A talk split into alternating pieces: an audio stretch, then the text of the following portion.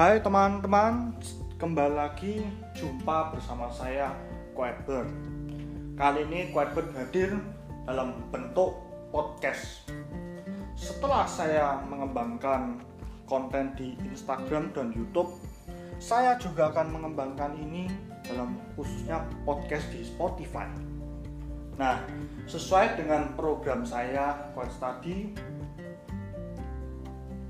banyak kita teman-teman akan belajar bersama khususnya mengenai psikologi dan spiritual. Nanti juga ada mengenai parenting, self relationship, ya. Terus neuroscience juga. Jadi teman-teman tidak usah khawatir, kita sama-sama belajar bersama.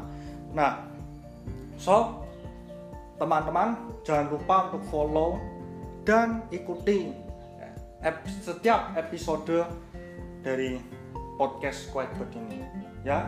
Dan juga jangan lupa untuk menyebarkan podcast ini kepada teman-teman kepada siapa pun jika podcast ini sekiranya bermanfaat oke?